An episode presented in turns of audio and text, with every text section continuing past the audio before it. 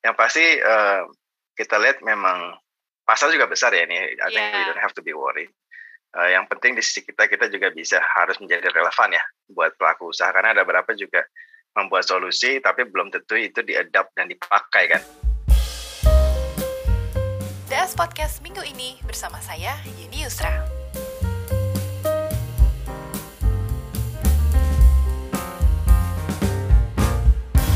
Hai Herman, apa kabar? Halo Yeni, baik-baik apa kabar? Makin seger ya habis lebaran. Alhamdulillah. Berarti bekerja dong ibadahnya ya. Oke. Okay.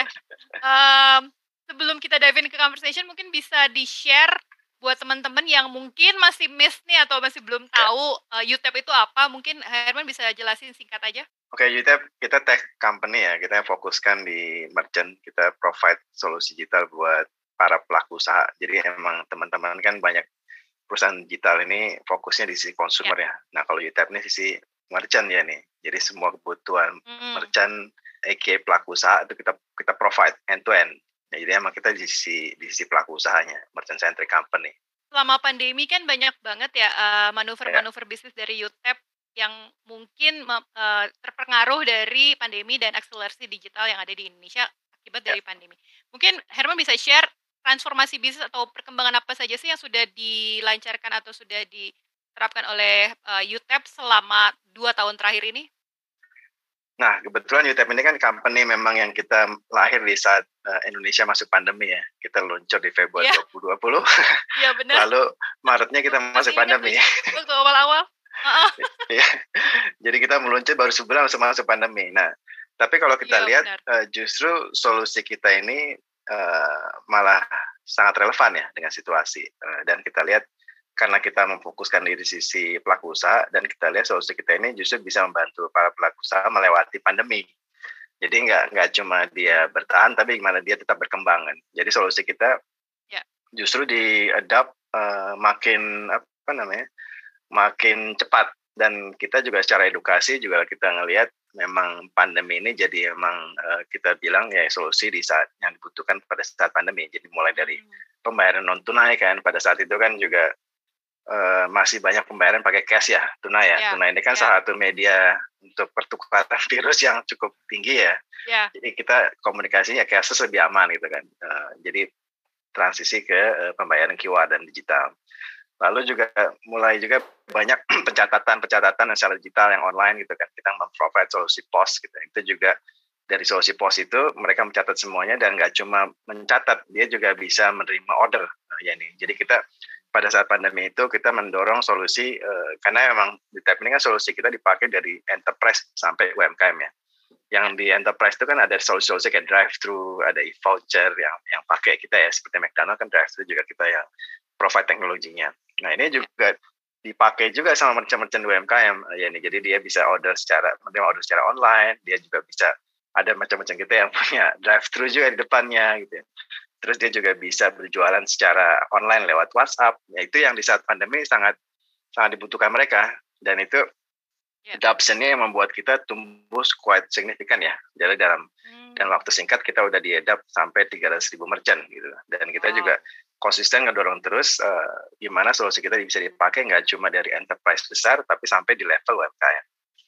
Uh, kalau kita lihat kan uh, selama pandemi bukan YouTube aja ya yang menawarkan uh, yeah. layanan serupa dan mengcater uh, SME atau UMKM. Banyak banget nih uh, platform Banyak. asing hingga lokal. Apa sih yeah. strategi YouTube untuk bisa bersaing dan uh, akhirnya uh, mendominasi atau unggul daripada mereka? Ada strategi yeah. khusus nggak sih? Ya, yeah. yang pasti uh, kita lihat memang pasar juga besar ya ini. I think yeah. we don't have to be worried. Uh, yang penting di sisi kita kita juga bisa harus menjadi relevan ya buat pelaku usaha karena ada beberapa juga membuat solusi tapi belum tentu itu diadapt dan dipakai kan karena emang ada iya, beberapa yeah. mungkin kurang relevan dengan kondisi market kita kondisi apa namanya uh, pengguna uh, para pelaku Indonesia di kita seperti apa gitu ya itu juga kritikal di kita karena di kita pun Eh, kita mungkin salah satu from few company yang punya uh, in-house research ya. Nah, ya ini kita punya tim riset, kita punya uh, gimana cara men mendik terus ya yang dibutuhkan sama uh, para pelaku usaha Indonesia seperti apa dan kita bikin solusi on top of it gitu. Jadi kita hmm. paling penting itu kita harus mesti relevan itu yang dibutuhkan mereka dan yang paling penting kan kita juga mesti bisa mengeduket ya solusi teknologi yang uh, bisa dibilang sophisticated ya mungkin itu gimana caranya kita bisa mengeduket dengan bahasa simple yang bisa mereka adapt uh, again nggak cuma enterprise besar tapi sampai di level UMKM. Uh, ada nggak sih kendala yang masih ditemui saat ini meskipun mungkin UTEP udah cukup konfi ya uh, menerapkan bisnis atau melancarkan bisnisnya masih ada nggak yeah. sih uh, kendala apakah cukup krusial atau ternyata karena dukungan dari pemerintah akhirnya bisa kok di overcome tantangan itu? Ya, yang nyambung ke yang tadi emang kendalanya kalau kita lihat memang uh, kita mesti relevan dan kita juga mesti uh, end to end nih ya nih karena kalau misalnya UTEP nah. ini kan kita provide solusinya end to end nih uh, sebelum yeah. saya masuk nanti ke, ke tantangan dari sisi edukasi ya kita mesti punya solusi juga bisa menjawab semua kebutuhan nih para pelaku usaha mulai dari kalau di kita ini kan mulai dari dia untuk mengelola produk dia jualan dia uh, point of sale sampai dia menerima pembayaran uh, non tunai pembayaran digital kita juga ada portal yang ngasih banyak insight gitu ya kamu jualan top produknya apa nih uh, bulan ini atau minggu ini gitu. Terus penjualan eh, pembayaran digital yang paling banyak dari mana gitu. Nah, itu semua ada di portal kita. Dan kita juga ada layanan uh, loyalty, jadi dia bisa punya digital stamp, dia punya e-voucher, dia punya bikin program-program promosi buat pelanggannya. Dan yang terakhir yang kita lagi genjot juga, kita punya belanja stok uh, ya ini. Jadi merchant ini udah mengelola, mengelola dagangannya dia, mengelola pembayarannya dia, sampai dia juga bisa beli stok yang dibutuhkan gitu. Jadi kayak sekarang kita ada bisa beli stok sosro misalnya atau stok dari barang-barang dari partner kita seperti uh, Indofood misalnya. Uh, itu bisa beli dari platform kita belanja stok dan dia bisa uh, dikirim uh, ke merchantnya uh, ke lokasi dia secara uh, gratis dari dari supplier kita yang yang provide. Jadi end to end kebutuhannya. Yeah. Jadi kita masih relevan dan kita masih end to end dan yang terakhir tantangan dari sisi edukasi kita masih masih bisa mengcrack gimana mengeduket uh, layanan digital ke ke ke mereka ya nih. Makanya kita juga banyak kolaborasi. Kita kolaborasi dengan tadi disebut tentang dengan pemerintah uh, kota ya. Kita ada kerjasama dengan pemerintah Semarang untuk digital uh, pasar di Semarang misalnya, di Bandung gitu. Kita juga ada kerjasama dengan beberapa entitas seperti universitas. Kita ada kita sebut UTEP UMKM Academy. Kita juga mengeduket gimana caranya uh, eh, UMKM itu mesti go digital gitu. Nah itu kita lakukan terus gitu uh, ya ini dan mesti konsisten karena emang di market we have to be consistent gitu dan kita dengan konsisten itu kita uh, bisa mendorong adoption kita ini secara masif. Uh, ya. YouTube kan bisa dibilang berawal dari payment ya. Uh, ya, ya. Correct me if I'm wrong. Tapi Betul. sekarang akhirnya memberikan layanan yang beyond just payment gitu. Uh, dan saat ini tier 2 dan tier 3 menjadi seksi nih, banyak banyak di ya. diincar. Yeah. Apakah itu juga menjadi fokus dari YouTube? Uh, dari sisi 2 dan tier ini dari sisi kotanya apa dari sisi uh, profile merchantnya? Dari target user atau target uh, market yeah. di tier 2 dan tier 3. Ya, yeah. uh, memang kita ngelihat ada pelebaran uh, adopsi ya. Uh, jadi kalau misalnya even di di sisi profil pengguna ya kita ada mapping beberapa profil pengguna di uh, eh, UMKM Indonesia kita ada ada ada ada beberapa profil yang kita identify ini adalah adapter tapi ternyata sekarang udah semuanya udah bisa adapt gitu ya. bahkan di di sisi demografi kota pun sekarang uh, di beberapa kota especially yang di tier 2 tier 3 city ini itu berkembang juga ya nih jadi kayak kita ngelihat uh, indikator utamanya dari sisi cashless gitu ya uh, pembayaran uh, QR yang sekarang ada di mana-mana gitu kan bahkan di ya. kota-kota kecil pun gitu kita ada macam-macam misalnya di Garut sangat aktif gitu terus ada ada di Jawa Tengah pun udah sampai melebar nggak cuma di top kotanya di Tirwannya tapi udah kayak lebar di Kudusnya ada di beberapa kota-kota uh, satelitnya udah udah mulai tumbuh. Bahkan di apa namanya di uh, ujung timur uh, timurnya pun udah sampai ke uh, Banyuwangi gitu. Dan ini kita ngelihat uh, growth ini yang sangat potensi bahkan kita juga melakukan ekspansi ya. Kita melakukan ekspansi beberapa uh, tim uh, kita lewat di lapangan yang kita sasar di target uh, titik CCT ini. Karena di kita juga ngelihat uh, ada pertumbuhan nggak cuma di sisi program merchant, ya, di sisi ekosistemnya juga ya. Jadi ada banyak pasar-pasar kayak event di Banyuwangi pun kita udah banyak pasar-pasar yang kita masukkan yang udah udah kita provide solusi digital ke mereka ya nih untuk mereka untuk mereka pakai. Seru banget ya, banyak banget nih uh, rencana bisnis dari YouTube. Tapi tahun ini Seru. ada target yang masih mau di-achieve nggak sih Herman untuk YouTube? Saat ini kita uh, ada ada beberapa fokus ya. Uh, kita emang kita selalu mengenrich solusi uh, yang kita sebut di tab ya. Kita solusi kita uh, equip terus. Uh, dan secara apa namanya secara layanan juga kita nggak cuma pos tapi juga mereka bisa berjualan online ya lewat platform kita. Uh, ya fokus yang yang cukup besar tahun ini kita sangat genjot di supply chain uh, ya nih supply chain service kita yang kita sebut belanja stok tadi.